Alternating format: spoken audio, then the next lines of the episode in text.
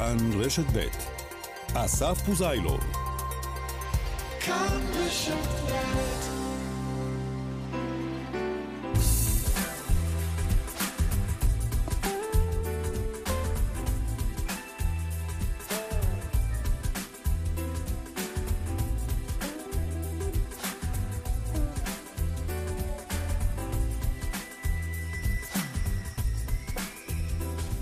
כאן רשת ב', כאן דרום, שלום. יש נושא שאנחנו עוסקים בו פה המון, כבר שנים, חשוב מאוד בשגרה ובטח במלחמה, כמויות הנשק האדירות ומעשי הרצח במגזר הבדואי. אבל במשך ארבעה חודשים קרה מה שלא קרה מעולם, לא היו יריות כמעט ביישובים הבדואיים, ויש ירידה משמעותית בפשיעה. ככה זה אומרים שם, כשבכל מקום יש שומרים והמשטרה מגיבה במהירות ובצורה חד משמעית. אבל בשבועיים האחרונים הירי חזר. הפעם נשוחח בנושא עם ראש ענף מבצעים של מחוז הדרום במשטרה, עם קב"ט מהאזור, וגם עם הוותיק בראשי המועצות שמכיר היטב את הנושא הזה, פיני בדש, מחר לראשונה מזה עשרות שנים הוא לא ירוץ לקלפי. ירוץ לקלפי, אבל לא לבחירות.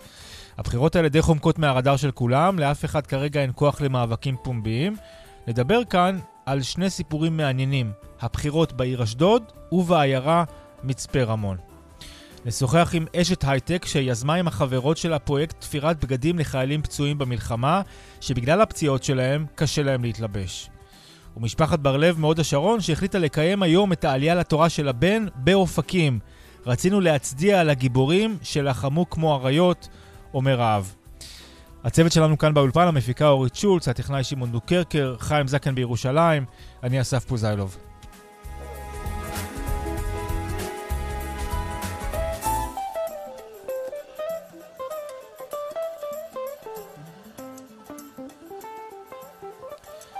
אנחנו פותחים איתך רב פקד ליאור מצרפי. ערב טוב. ערב טוב. ראש ענף מבצעים במחוז הדרום במשטרה. נכון. אז תראה, אמ, הנתונים שלכם די מדברים בעד עצמם, נתוני המשטרה על הפשיעה בשנה האחרונה, אבל יותר מהנתונים שהם בעצם הם, אמ, עושים אה, סקירה של כל מה שקרה השנה, אמ, ומשקללים את הכל, אז התושבים בדרום גם במגזר היהודי וגם במגזר הבדואי, אה, מדברים בצורה חד משמעית. בחודשים האחרונים, אה, כמויות הירי או, או הקטטות במגזר הבדואי וגם הפשיעה ירדו בצורה מאוד מאוד משמעותית. ירדו משמעותית, אני מסכים איתך. הנתונים מדברים בעד עצמם. התחושות מאששות את הנתונים האלה.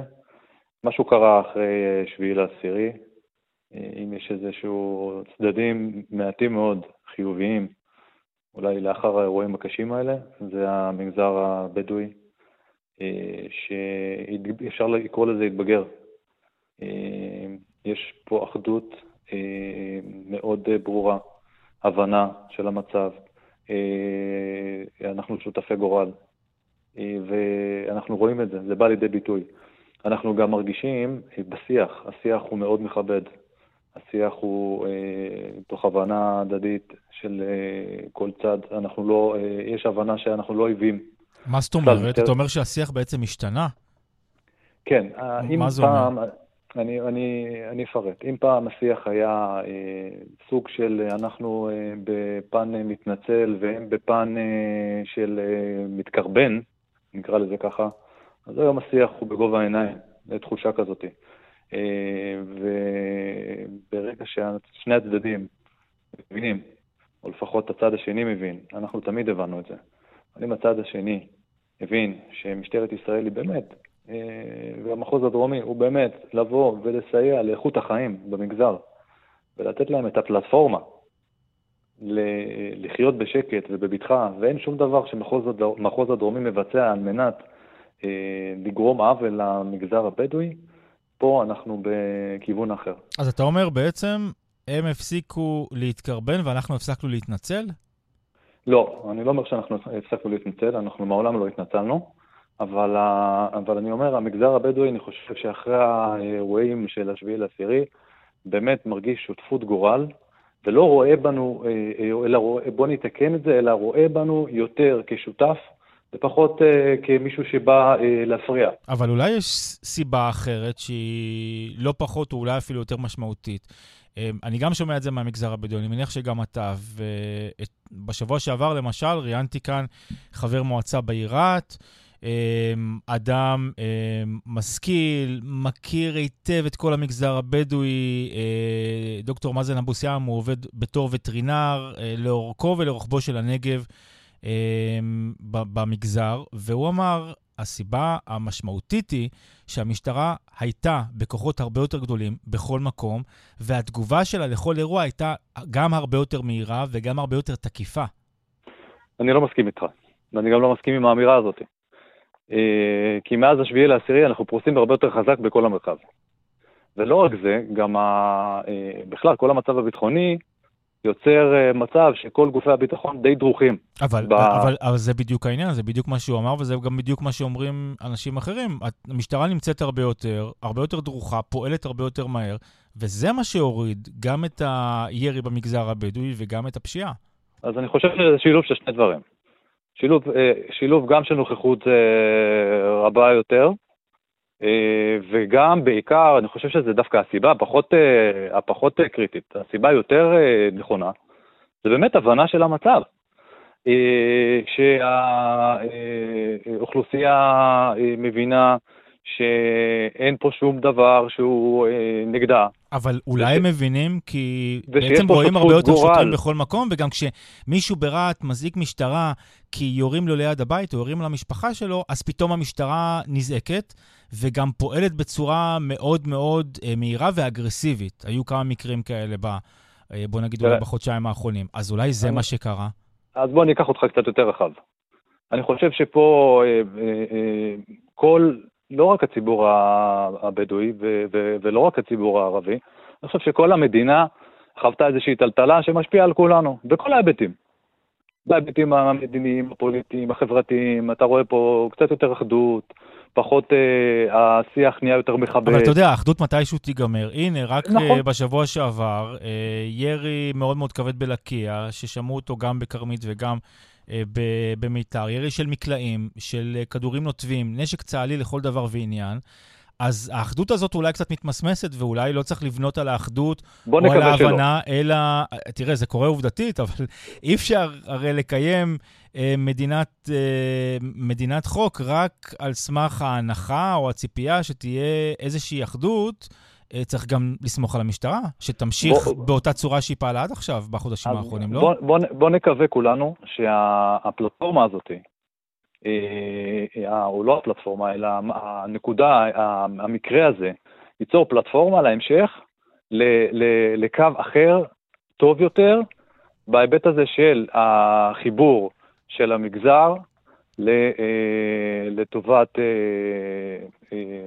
אה, מניעת אלימות וסכסוכים וכו'. אבל אתה יודע, זה סוג של ביצה ותרנגולת, כי כשמישהו במגזר הבדואי יודע שהוא יכול להתקשר למשטרה הרבה מאוד פעמים, אה, בזמן שהוא בסכנת חיים כי יורים לידו, והמשטרה לא תגיע, וקרו המון המון מקרים כאלה בשנים האחרונות, שרק אני מכיר, אה, אז למה שהוא יתקשר למשטרה הפעם הבאה? למה שהוא לא יתחמש כדי להגן על עצמו ועל המשפחה שלו? ולמה שהפעם הבאה שיורים עליו, הוא לא יצא ויירה בחזרה? אין סיבה כזאתי. אה, החיבור בין המשטרה גם לתושבים, כל תושבי הדרום, גם הבדואים וגם היהודים וגם הנוצרים וכל עדה. שנמצאת פה מקבלת שירותי משטרה. אנחנו בפריסה רחבה של מש"קים שנמצאים בתוך היישובים, של אה, אה, דוברי ערבית, של אפילו תושבי המקום, גם הבדואים, משרתים במשטרת ישראל. החיבור הוא הולך ומתעצם מפעם לפעם, אנחנו מנסים לחזק את האחיזה שלנו ביישובים, גם הבדואים וגם היהודים. אוקיי, אז אני חושב שהשאלה היא, האם המשטרה תמשיך אצלכם במחוז הדרום, אתה כאמור ראש ענף uh, מבצעים, האם הפריסה הרחבה, uh, הדריכות, הקפיצה המהירה, הטיפול המאוד מאוד מהיר בכל האירועים האלה, יימשך, או שכוח האדם הוא קטן ו- וקשה מאוד לשמור על דריכות לאורך הרבה מאוד זמן. אמ, ואי אפשר, בצורה אני, עובדתית אני, על השולחן, זה לא יוכל להימשך בצורה הזאת. אני בארגון מעל 20 שנה. אני מעולם לא דמיינתי לעצמי שמשטרת ישראל מתעסקת בכל כך הרבה דברים כמו שהיא מתעסקת היום. אני אתן לך דוגמה, התעסקות בתנועה, התעסקות במעברים, התעסקות בתנו, בפשיעה, התעסקות בסמים, התעסקות בהברחות. והיריעה קצרה מלהכיל, אבל... אוקיי, יגידו אנשים, הייתה הזנחה במשך כל כך הרבה שנים, אז כל לא הפשע הזה עלה וצריך לטפל בו עכשיו. תראה, תראה, אני לא, לא אדבר על לא אה, משהו שיש בהם תהליכים מדיניים וכולי, אני מדבר על הארגון שלי.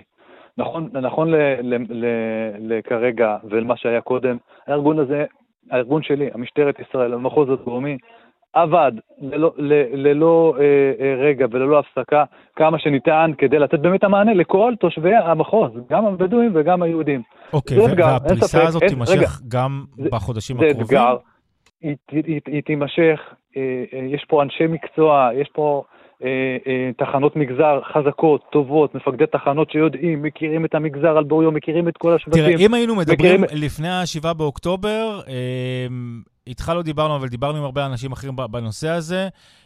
התשובה הייתה, המשטרה בקריסה טוטאלית, הודו בזה גם בכירים במשטרה, אין לנו מספיק כוח אדם, אנחנו לא יכולים לטפל, והיו כל יום אירועים מאוד קשים בכל אזור הדרום. אחרי ה-7 באוקטובר דברים השתנו.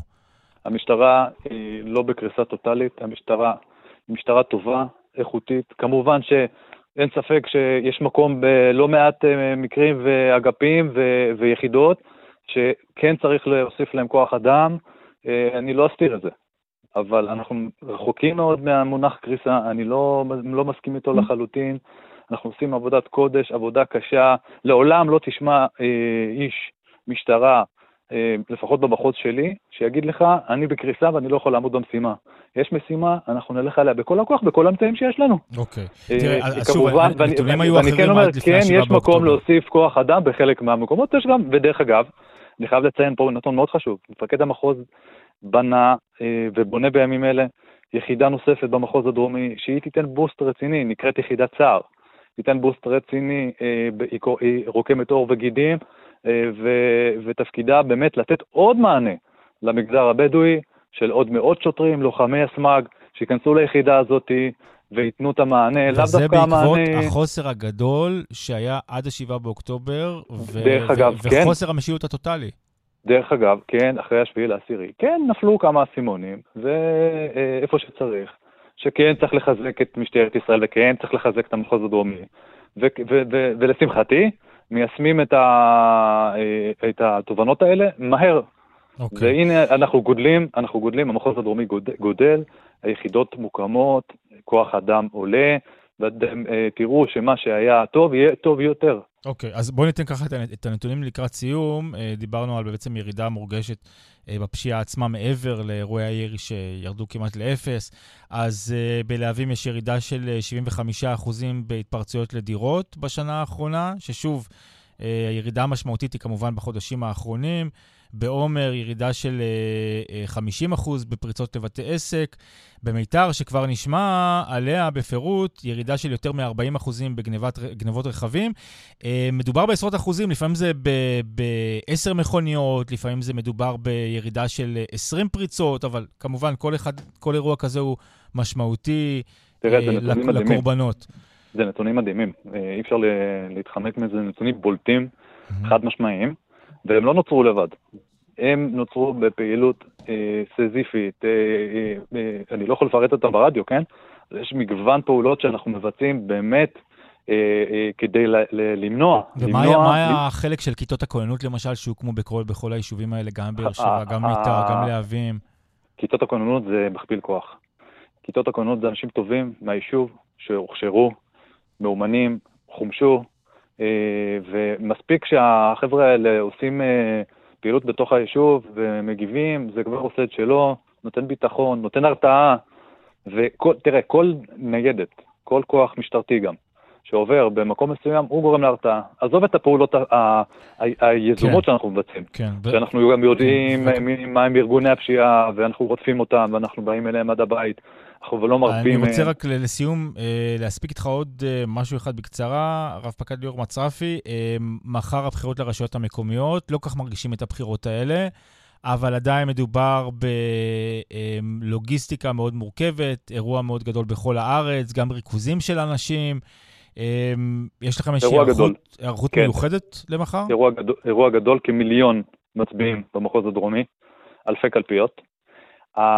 לשמחתי, אבל המבחן הוא מחר, לשמחתי הפתיח הוא טוב, הוא מבשר טובות, אבל שוב פעם, המבחן הוא מחר.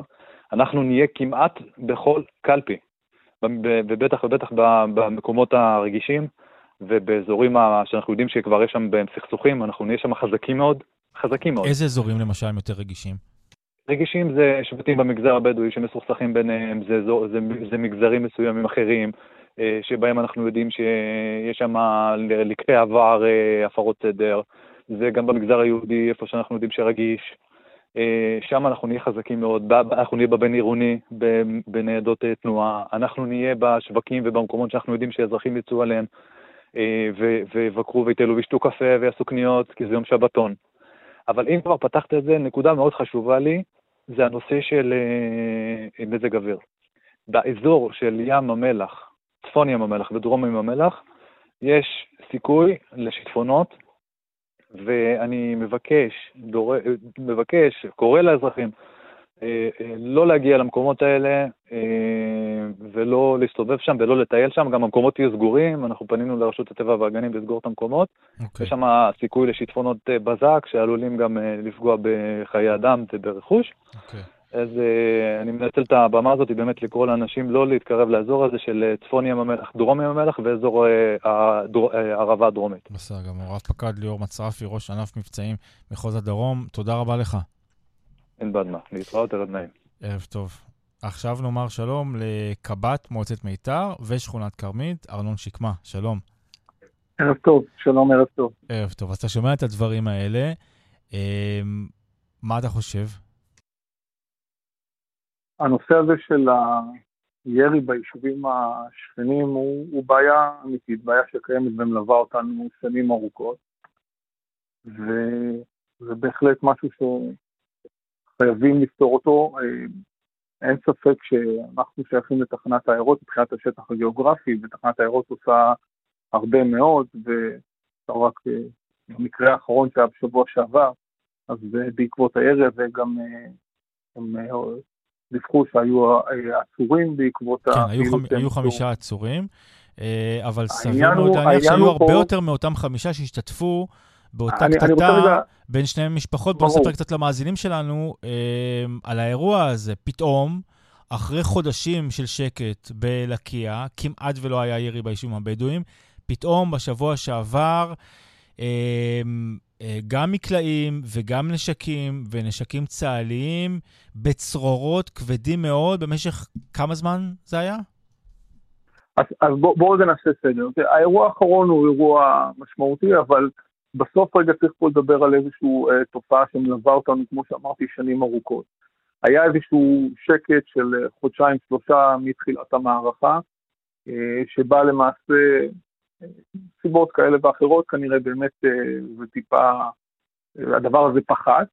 אגב, אני חייב לשאול אותך, אה, אנחנו שומעים את זה כל הזמן מהיישובים הבדואים, גם מלקיה, שהם היו מתקשרים למשטרה, השוטרים לא היו מגיעים, או היו מגיעים באיחור. בינתיים הקטטה, הקטטות נמשכות, אנשים צוברים נשק כי הם יודעים שאף אחד לא מגיע לסייע להם ו- ולעצור.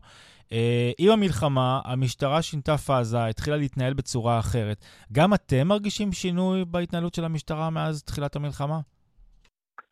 שוב פעם, אני פחות יוכל להעיד על מה שקורה בלקיה ובחור, אני קב"ט לא, לא, אני מדבר אצלכם כמובן, על מיתר ועל כרמית. אז, אז שוב, אני, הירידה הזאת לדעתי קשורה, אין ספק שהיא קשורה למערכה, והיא קשורה להרבה מאוד דברים, אבל איפשהו הדברים די חזרו לשגרה. חזרו לשגרה גם בהקשר של הפשיעה וגם בהקשר של הירי. ושוב, חשוב לומר, ברור לחלוטין, תחנת העיירות עושה כל מה שביכולתה. והדבר הזה לא ייפתר אם עכשיו יקבל החלטה מפקד התחנה לפתור אותו. זה משהו שצריך להיות ברמה הלאומית. החלטה ברמה הלאומית להקצות משאבים, לתת את הפלטפורמה שצריך לתת, לאסוף את הנשקים, יש פה, אנחנו מדברים על כמות אדירה של נשקים לא חוקיים שנמצאים ביישובים האלה בידיים של התושבים שם. אנחנו מדברים פה על שימוש לא חוקי בנשק, ומדינה לא יכולה להרשות לעצמה שדבר כזה יקרה. אה, אנחנו מדינה מספיק חזקה, שהמדינה מחליטה שיש משהו שנמצא בסדר העדיפויות שלה, והיא רוצה לטפל בו, היא יודעת להקצות המשאבים, היא יודעת לטפל בו, ואין לי ספק שאם המדינה שלנו תחליט, אם הממשלה תחליט, שבדבר הזה רוצים לטפל, ייתנו את מה שצריך, את האמצעים שהמשטרה צריכה, כי בסוף המשטרה צריכה להוביל כמובן את הטיפול באירוע הזה. תראה, אנחנו ראינו את זה עד לפני שבועיים, שכן אפשר לפתור את הבעיה הזאת ואפשר לטפל בה, זאת אומרת, זה לא מכת גורל, וכשמספיק רוצים, אולי משני הצדדים, אולי מצד אחד יותר או מצד אחד אה, קצת פחות, זה לא משנה, אפשר לפתור, הנה עובדה. אה, כמעט ארבעה חודשים, שלושה חודשים וחצי של שקט כמעט מוחלט. לא היה דבר כזה. הנתון הזה הוא לא מדויק. כמו שאמרת, היו בערך בין חודשיים לשלושה של שקט, ואז לאט לאט זה התחיל לחזור. אה, ואני אני לא בטוח שזה נמצא בגלל איזשהו טיפול כזה או אחר שנעשה, אני חושב שזה איזשהו משהו שהיה יותר באווירה שזה לא הזמן לעשות את זה. אה, והיה גם ההבנה פה, באמת הייתה הרבה מאוד פעילות, פעילות של, אנחנו מדברים כמובן המשטרה, פעילות של מחלקת ביטחון שירותי חירום שהייתה מאוד מאוד מתוגברת במיתר ובכרמית. ואולי לכן נוצרה האווירה שזה לא הזמן לעשות את זה. אני לא חושב, לפחות אני יכול להגיד על הפעילות שקורית במיתר וכרמית, היא בוודאי שלא משפיעה על הירי או על האין ירי בחורה ובלקיה. בסופו של דבר, אה, היא כן משפיעה על הפשיעה שהייתה וירדה משמעותית באותם חודשים, במיתר ובכרמית, אבל אנחנו רואים שגם פה ישנה את החזרה, לצערי, לשגרה הלא טובה, שבאמת אה, אנחנו חווים אה, כבר אה, בתקופה האחרונה. ולכן אני לא הייתי מייחס את זה לאיזושהי פעילות כזאת או אחרת שנעשתה, אלא יותר על איזושהי אווירה ואיזושהי הבנה גם אצלם שעכשיו לא זמן נכון להוציא את הנשק שקיים אצלם, הרי לא, לא באמת אספנו את הנשק הזה, זאת אומרת, ולא שבאמת הנשק הזה כבר לא, קיים, לא היה קיים אצלם באותם חודשים, אלא הייתה החלטה לא להשתמש בו באותו, באותם חודשיים שלושה שלא ישתמשו ולא יראו, אם זה בסכסוכים ביניהם או אם זה, לא יודע מה, בחתונות ומשמחה. אה, אז כך שמבחינה הזאת אני חושב שצריך לקרות משהו הרבה הרבה יותר שורשי, וצריך להיות איסוף או של אותם כלי נשק, אותם כלי נשק לא חוקיים שנמצאים בידיים, שלא צריכים להיות אצלם, רק באמת איסוף מסיבי של אותם כלי נשק ישנה בצורה משמעותית את מה שקורה פה. כן, אלון שקמה, קב"ט אה, מועצת מיתר ושכונת כרמית, תודה רבה לך. בשמחה רבה, שיהיה המשך ערב ממיתר לעומר, אה, שלום לפיני מדש עד אה, מחר, נכון? בערב, אה, ראש המועצה המיתולוגי, אחד המיתולוגים לא, בישראל. לא, עד ה-20 למרץ, יש עוד שלושה, 21 יום אחרי הבחירות. אה, אתה לא משחרר, אה, את הכיסא, אתה מחזיק. אין, זה הכללים, 21 יום אחרי הבחירות עד הסוף. אני ב-120 עבודה, 120 אחוז עבודה עד היום האחרון. כמה שנים אתה בתפקיד? משהו כמו 30 שנה או שאני הגזמתי? אל תקצץ לי, 34. 34 שנים, אבל מי סופר? אז ראש המועצה הוותיק בישראל, נכון? יש uh, עוד אחד בשנה יותר ממני, אלפסי ביוקנעם. אהה, אוקיי. השני. אוקיי, השני. אתה לא תצליח לשבור את השיא שלו כבר. לא, לא מתכוון. אה, יש אבל, אה, אתה מנסה לשמור אולי את שם המשפחה בראשות המועצה, יש לך אה, קרוב משפחה שמתמודד, לא, לא ניכנס אליו, אנחנו לא רוצים לעשות עכשיו תעמולה. אז, וכבר נדבר על הבחירות לרשויות המקומיות ברשויות אחרות, אבל איתך, כשאתה עדיין בתפקיד, אני רוצה באמת לשאול אותך על ה... אה, על הירידה המשמעותית שלא לא הייתה כמותה למשך uh, כמה חודשים ב, בירי במגזר ובפריצות, אבל אומר לנו הקב"ט של מיתר, זה כבר חוזר. גם אצלכם זה כבר חוזר? אה, בדיוק עכשיו, שחמש דקות לפני שמענו, לפני שאני עליתי לשידור, היה קרב יריות פה אצל השכנים. אני לא יודע אם זה בגלל הבחירות בתל שבע או בגלל משהו אחר. אכן, בחודש האחרון מתחילה להיות התעוררות. אנחנו בתוך היישוב עצמו לא מרגישים, אבל אני שומע את זה מסביבי, ואני שומע ביישובים מסביב שזה מתחיל להתעורר. התקופה של המלחמה די פחדו, כיתות כוננות, הסתובבו עם נשקים, אנשים פחדו מכל מיני גנבים להתקרב, ועכשיו כשנרגע הם מתחילים uh, לחזור. אז איך אפשר להמשיך את המומנטום? תראה, אני בתקופת תחילת המלחמה הקמנו פה, השקענו מאות אלפי שקלים במערך מצלמות אנליטיות סביב היישוב, זה אומר שמי שמתקרב לגדר, טאק קופץ לך על המסך, ואין לנו פה כיתות כוננות, ועדיין יש לנו הבטחה פה, וכל מי שמתקרב לגדר, אנחנו, תוך כמה דקות אנחנו אצלו. זאת אומרת, הפכת את, את היישוב הזה, אתה אומר, אחרי... זה ממש כמו בסיס צבאי, זאת אומרת, ממש כן, יש אה, גדר עם מצלמות, כל מי אה, שמתקרב. מצלמות חכמות עם אה, הבטחה שיש לך במשטרה. שהיא די פעילה אצלנו, ואז אתה תוך כמה דקות מגיע, אחרי כמה ניסיונות מבינים שהעסק נהיה אחרת, אז, אה, אז אה, פחות, אתה יודע, הם לא מחליפים אה, עבודה, הם מחליפים מקום עבודה. Mm-hmm. אבל זה מתחיל להתעורר וצריך לטפל בזה. עכשיו, משטרת ישראל, מחוז דרום, הקים יחידה חדשה ברשות ניצב משנה יוגב של כן. תחנת העירוב. יחידת סער, שמענו. כן, שעכשיו הוא מגייס, הוא אמור להגיע ל-500 שוטרים. שעיקר עבודתה היא במגזר, במגזר מסביב, איסוף נשקים, פשיעה, הם הולכים להיכנס חזק מאוד בעניין הזה. אה, אני חושב שגם קצת, קצת המגזר עצמו, אה, נמאס לו ממה שקורה אצלו ואיך שהוא התחיל קצת אה, להתעורר ולצאת כנגד הפשיעה אצלם. גם אצלם מרגישים פחות, אבל גם אצלם מרגישים התעוררות, ואני מקווה עכשיו מאוד ש... שהיחידה החדשה תיתן מענה. הבעיה שלנו, שוב פעם אני חוזר, זה לא בעיית המשטרה וזה לא בעיית הכלור, שום דבר, זה בעיית בתי המשפט. כל עוד שלא יוסיפו שופטים וכל עוד שהענישה לא תהיה יותר מחמירה ועונשי המינימום לא, לא יהיה עונשי מינימום, לא נוכל לפתור את הבעיה, כי הפשע משתלם מבחינת אה, העונש שמקבלים. כן, כן. אני גם ראיתי עכשיו אה, סטטיסטיקות ביומיים האחרונים, שכמות כלי הרכב בארץ עלתה באיזה 300 אחוז בחודש האחרון, וזה חוזר, כלי רכב, והציבור, אתה יודע, לקום בבוקר, אתה נשאר מהמפתח ביד, זה לא נעים. פיני, וזה צריך לתת כן, לי יד חזק מאוד. לסיום, אולי תן לנו ככה משפט אה, על הבחירות מחר. איך זה, אתה כבר אה, מתכנן את היום שאחרי? אתה כבר מדמיין את עצמך בלי חלק כל, מאוד משמעותי באישיות שלך, אחרי 34 שנה, לא להיקרא ראש מועצת עומר? אני, אני, תראה, קודם כל אני הולך לעסוק במשהו מאוד ציוני, ולעזור בלהקים 13 יישובים חדשים בנגב, א'.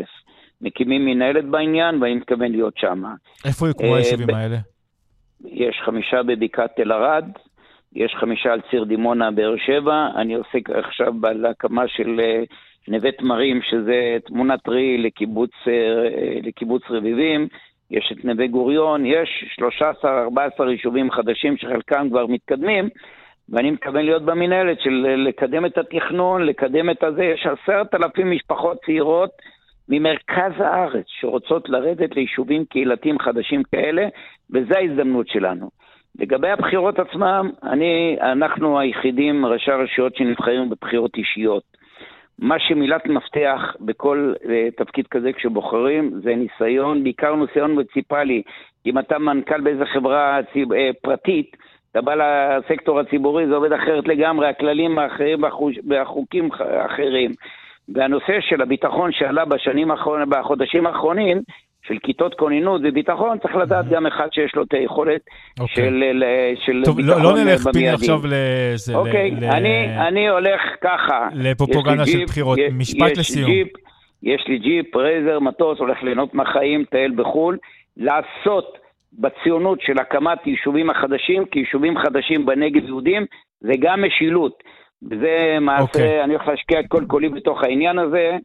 ו- ולהמשיך לנהל את מה שננהל, כמו מדרשת שדה בוקר ועוד כמה גופים. אחת המטרות באמת הכי חשובות עכשיו בנגב. נודה לך מאוד, נמשיך לעקוב אחריך, פיני בדש. טוב, ובהצלחה לכולם. אה, עוד שלושה שבועות עדיין ראש מועצת עומר, ובעוד שלושה שבועות פורש אחרי 34 שנה. תודה רבה לך. בבקשה, לילה טוב. נשאר בנושא הזה של הבחירות המקומיות, נאמר שלום לאייל בן שמחון, אייל בן שמחון, עורך אתר אשדודנט, שלום לך. שלום לך. אה, נדבר קצת על הבחירות אצלכם אה, בעיר אשדוד, אה, העיר החמישית בגודלה, ותראה, אנחנו הרבה פחות שומעים על מאבקים פומביים בחודשים האחרונים. לא שאין אותם, הם פשוט יותר ירדו קצת בווליומים, נכון? לאף אחד אין באמת כוח לזה עכשיו. אה, אבל אשדוד היא עיר שבימים כתיקונם הייתה ממש סוג של איזה מלחמה במערכות הבחירות. יש הרבה מאוד כסף, יש הרבה מאוד מכרזים, אה, יש גם אה, מכרזי בנייה של פרויקטים עצומים על חוף הים, יש נמל, יש עוד מוסדות מאוד גדולים שאמורים לקום בעיר הזאת. איפה עומדת מערכת הבחירות הזאת עכשיו אצלכם? קודם כל, לצערי, הטירוף חזר, היה שקט, נכון, בצדק לאחר המלחמה, ובעשרה ימים האחרונים הטירוף חזר, ההשמצות, ההתכות, הקרע, כל מיני קונספירציות, חזרו בעשרה ימים האחרונים לצערי. בוא נאמר ו... אולי מי המועמדים, יש את אה, ראש העיר המכהן יחיאל לסרי, יש את אה, שמעון נכון. כצנלסון, נכון? נכון. אמ, עם אה, מי רץ כל אחד? יש קודם כל חמישה מועמדים לראשות העיר ו-15 מועמדים ו-16 רשימות mm-hmm. שרצות למועצת העיר. יש 190 אלף בעלי זכות הצבעה ו-29 חברי מועצה. אחד ייבחר מחר לראשות העיר. לפי כל הסקרים, אה, מה שנראה, ראש העיר המכהן אה, יחיא לסרי הוא המועמד המוביל, בכל הסקרים. והיה ניסיון של שאר המועמדים, שזה גם שמעון כצנלסון, גם אה, אלי לחמני וגם אלן גלבר, סוג של להתאחד, נכון? כדי להצליח... היה, היו, היו שבעה מועמדים. להחליף את ראש העיר. היו שבעה מועמדים, אה, בדרך פרץ ברק סרי. שהוא היה מועמד ו... מוצנח של השר דרעי, נכון? כן. אדם שאין לו לכאורה שום קשר לעיר הזאת, אשדוד. לא, יש לו קשר לעיר, הוא בן העיר אשדוד, אבל... אבל בשנים האחרונות... לא, לא, לא הורגש יותר מדי בעיר. הוא היה לאריה דרעי שנים, הוא היה עוזר, עוזר יועץ תקשורת של אריה דרעי במשך שבע שנים. ושל אהוד ברק לפני כן. אבל לא הצליחו להעביר אותו מבחינה ציבורית, ואז אה, תיקונים כאלה ואחרים, פתאום הוא הפתיע והוא החליט שהוא פורש ותומך בשמעון כצנלסון, שמבחינת הסקרים לא היה לו סיכוי. וכצנלסון אה, הוא אחד המועמדים, אה, יש את אה, אלן גלבר, יש את אלינה. איזה מפלגה או איזה פוליטיקאי מריץ כל מועמד? אין היום, מפלגות לא משחקות באשדוד. היום זה שחקנים עצמאים שכל אחד יש לו את הכוחות שעומדים מאחוריו, אבל מפלגות ממש הן לא משחקות, יש... אבל הסיעות החרדיות נתנו את תמיכתם, תקן אותי אם אני טועה, לא מזמן לראש העיר המכהן.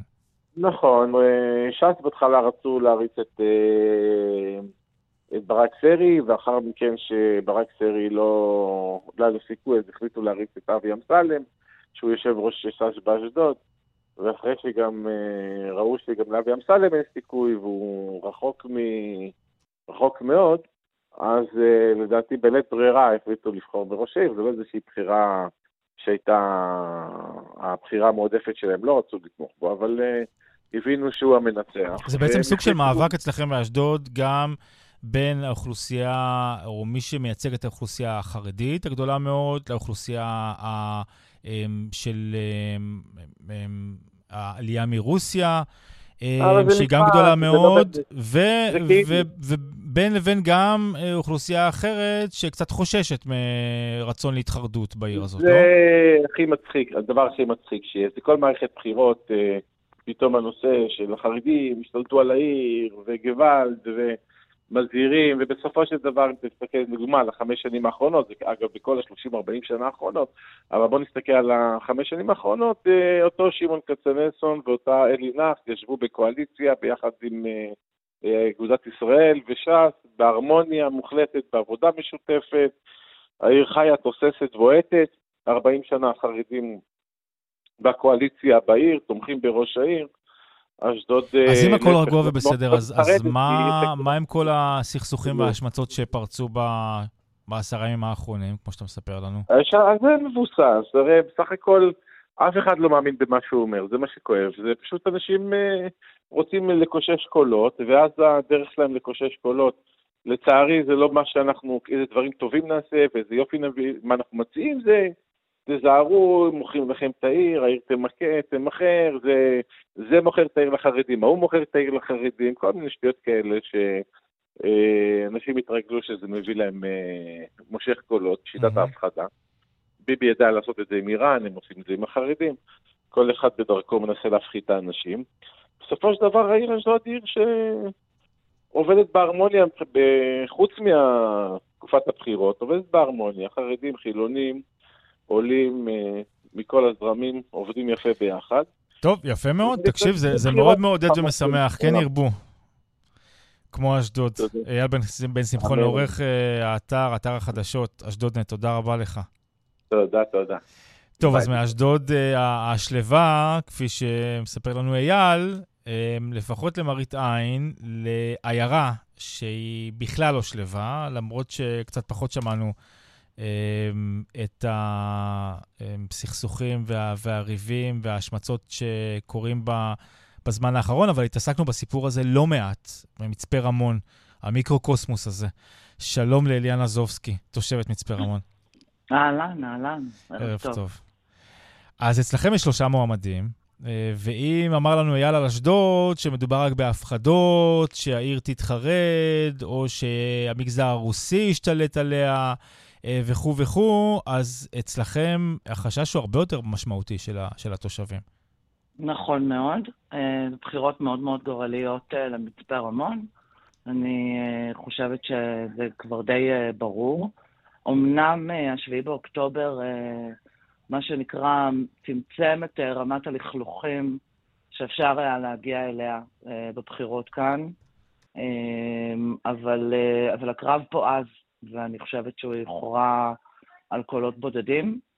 אמ, ואני חייבת להגיד שאני מכירה לא מעט אנשים שבמידה והקרב הזה יוכרע לא לשביעות רצונם, אה, יעזבו את היישוב. עד כדי כך?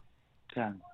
אוקיי, אז נאמר שיש שלושה מתמודדים, אבל אה, שניים הם בעצם המרכזיים. זו פלורה שושן, נכון. אה, היא אה, ראשת המועצה לשעבר, בעלה גם היה ראש מועצה. נכון, אה, אחותו של עמיר פרץ, אה, כן. גם אה, בהקשר הזה. נטועה עמוק עמוק בפוליטיקה.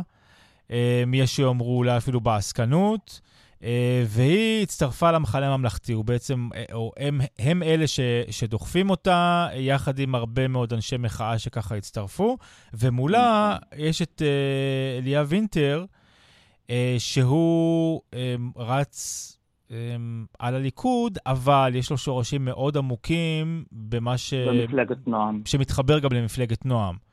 נכון, ולרב קוסטינר ולרב טאו, שהם למעשה מייצגים את הגרעין התורני הקיצוני ביותר במדינת ישראל כיום. מה שהוביל פה ללא מעט חיכוכים לאורך השנים. אה, בשמונה השנים האחרונות אה, שרוני מרום היה פה ראש מועצה, הקהילה שוסעה ופולגה, אה, והיא היום מבוזרת ומופרדת יותר מאי פעם. אני, ברור לכל מי שגר פה שגם מרום וגם המנכ"ל אה, שעבד תחתיו קידמו במפורש את וינטר, שהיה אז גזבר אה, המועצה, ולמעשה הם, אה, היה די ברור לכל מי שעיניו בראשו שהם מכשירים אותו כממשיך דרכם. רק שווינטר, למרות שהוא נורא נורא משתדל לטשטש את הקשר הזה, הוא קשור ישירות לגרעין התורני ולרב קוסטינר. וקשה לי להאמין uh, שבמידה וייבחר... על סמך מה אתם מתבססים? אגב, הוא אומנם uh, בוגר הישיבה uh, של הרב קוסטינר, ובעצם קשור לגרעין התורני, אבל על סמך מה אתם קושרים אותו בצורה כל כך הדוקה? יש בידינו לא מעט נתונים שמעידים על האופן שבו הוא שירת את הישיבה בדרכים כאלה ואחרות בעבר. אה, אני פשוט לא רוצה לטעות בהם, אבל אה, יש אותם. זאת אומרת, זה לא... מי שמבקש, נגיד, במתלבטים שלנו, אוקיי, לצערי אנחנו לא יכולים להעלות אותו, אה, גם לא להגיב לדברים, כי אנחנו לא מעלים מתמודדים בבחירות ביממה שלפני, אז אולי נשים את זה רגע, נכון. נשים את זה אולי בצד, ונאמר שהוא רץ דרך הליכוד בעצם, הוא לא רץ דרך מפלגת נועם. נכון, ומי שלא נכון. מעוניין להצביע לו, או חושב שהוא לא מייצג ערכים, של מפלגה כזאת או אחרת, פשוט יכול לא להצביע לו. בעצם, אז מה הבעיה? הבעיה היא שווינטר מציג את עצמו כאיש הליכוד, אבל בסופו של דבר, כמו כל אדם דתי במדינה, לא משנה מאיפה, יש לו רב. והרב הזה הוא הרב קוסטינר. עמדותיו של הרב ידועות, אני לא המצאתי אותן.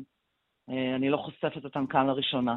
והן הובילו פה לחיכוכים מאוד מאוד קשים בתוך מצפה רמון, שלא היו פה בעבר. ולהקצנה מאוד מאוד בוטה בתוך מצפה רמון שלא הייתה כאן. אז יגידו אנשים, תראי, הגיעו למצפה רמון אנשים מגרעין תורני, זו זכותם כמובן הם, לעבור לכל מקום אחר שהם רוצים בארץ, כמו כל תושב ישראלי.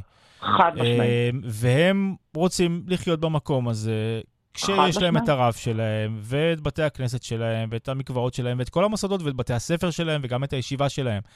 מה הבעיה? יכולה להגיד לך שאין לי שום בעיה, אין לי, אין שום בעיה עם זה, ואני לא היחידה שאין לי בעיה עם זה. יש לי בעיה כאשר הם מבקשים לנהל את קופת היישוב כולו, ולנהל בעצם את היישוב כולו. אבל אם ראש מועצה שנבחר... היישוב הזה הוא במהותו אה, ראש מתון, במקרה יישוב מתון. כן, אם ראש מועצה שנבחר, ראש המועצה היוצא, בחר את הגזבר שלו, זו גם זכותו, לא? חד משמעית, מעולם לא טענתי שזו לא זכותו לבחור את הגזבר. למעשה טענתי שהוא הכשיר אותו כממשיך דרכו בכל מיני דרכים. אה, זה לחלוטין לגיטימי, אבל זה לא משנה את העובדה שיש לו שיוך סקטוריאלי ברור מאוד לרב קוסטינה. יעמוד על הראש, זה לא ישתנה.